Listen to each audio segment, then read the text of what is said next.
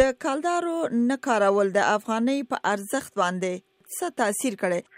روستنی تحولاتو او د خلکو د فکر تغییر په افغانۍ باندې مثبت تاثیر کړی دی او مثبت تاثیر د دې لحاظه دی چې تاسو ول د افغانۍ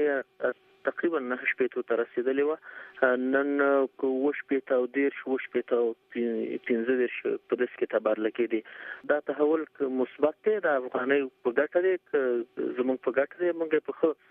د غني سپدې معنا باندې چې خپل خلکو دې ته رجوع وکړه که چیرته جبري وي که چیرته په زور وي بیا هغه منفي تاثیرات هم لري ځکه هغه موقت کېدل شي اما دا چې په خپل شوی دی په خپل خو خلکو کړی دی دا د خېستان دی د افغاني د باور د پاره د اعتماد د پاره دا او د په مجموع کې د افغانستان د اقتصاد لپاره بهترینه لار ده چې موږ ته ګټې نهایت زیاتې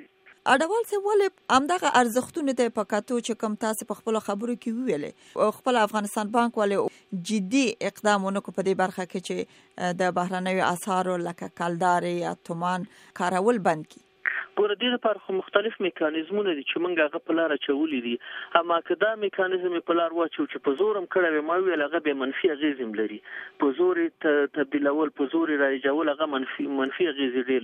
لري، ښه دا ده چې په ټولنه کې خپل اعتماد پیدا کړي، باور پیدا کړي او دا باور او اعتماد د دې چې کله پیسه ثابته واوسي، چلش کې زیاته واوسي، کنټرول ووسي او په مملکت کې اقتصادي رشد ووسي مختلف نور دلایل دي په هغه وخت کې بیا پیسه چالشت هم زیات پیدا کوي خلک په تقاضا په بازار کې زیاته ووسي دا موږ غوښتل چې په تدریجي شکل ووسي په د خلکو په قبولیت باندې ووسي او اما مقایسه شکل باندې تاسو ګورئ د 2000 درې نه دې پلو دوه زره درې نه دې پلو چې په هغې وخت کې په ټول افغانستان کې پنځوس میلیارد تقریبا پنځوس میلیارد نم کم خو پنځوس میلیارد افغانۍ په چلش کې نن چې ما تاسو سره خبرې کوو دوه سوه پنځلس میلیارد افغانۍ په چلش کې دي نو دا تاسو یو احصایه درکوي چې تقاضا زیاته شوې په نسبت د نورو کارونو باور زیات شوی اعتماد زیات شوی ولې دې کوم شک هم نشته چې څومره چې ضرورت دی چې مونږ د غیر افغاني بازار څخه یا په انګلیسي اصطلاح باندې د ډالرایز اکانومي اقتصاد څخه ووځو هغه ته لا اوس هم وخت شته مونږ باید ووسو تر اوسه هم ډالر او نورې پیسې چې هغه کلدار د د سرحدي ولایتونو کې دا په بازارونو کې په چالش کې دي راکړه ورکړه په دیو د دې څخه باید مونږ ووځو د افغانیو امدا ارزښت چې دا اوس دی په وارداتي توکو او په مجموع کې د افغانستان اقتصاد او سوداګرو ته څه ګټه ورسوي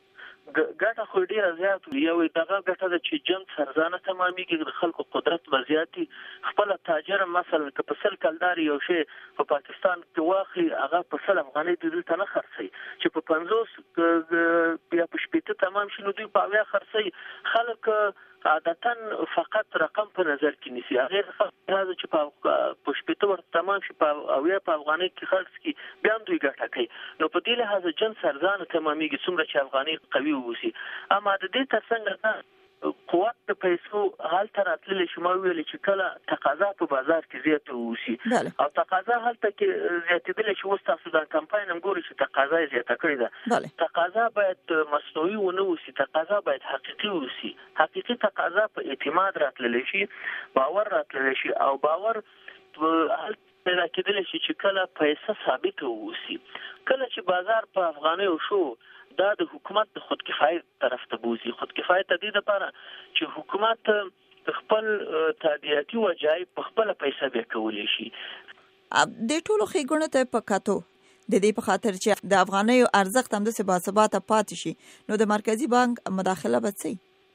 مونږ خو بالکل به مداخله کوو هغه مداخله به زمونږ د ثبات لپاره او د اعتماد لپاره مختلف لارې اوله لار زمونږ د مداخله لپاره دا چې مونږ د خلکو اعتماد ساتلی وو سي تبي د مونږ بیا بازار ته ډالر عرضه کوو تر څو تقاضا افغانۍ ته زیاته کړو او ډالر ته تقاضا کمه کړو دا یوه لاره ده دویمه لاره اساسي لاره دا ده چې موږ اسناد بادار بازار ته عرضه کوو دا د مالی اداراتو لارې د بانکونو د لارې د صرافانو د لارې او داسې نور مالی ادارات چې دي ښه اوس د افغانۍ د ثبات په خاطر او د خارجي اسعارو د راکړې ورکړې د مخنیوي لپاره بیا هم مرکزی بانک څه کولی شي چې د ټولو خارجي اسارو د رایجېدو یا د کاروبار مخه ونیسي نه مونږ خو دا جیب ما فشار لاندې نه کو په زور نه کو مونږ ویلي چې مونږ به وسایل وړاندې کو چې خلک اعتماد او باور زیات وشي خلکو لپاره سرمایه گذاري وسیله ووسی افغاني نه دا چې د ضرر وسیله مونږ دا په فشار نه کو ولې دې کې هم شک نشته دی چې ګټې د افغانیو زیاتې دي په مقایسه د نورو اسعارو چې هغه که کلدار اوسي او که ډالر اوسي بله ډیره مننه اډوال صاحب کور ودان ژوندی اوسې سلامت اوسې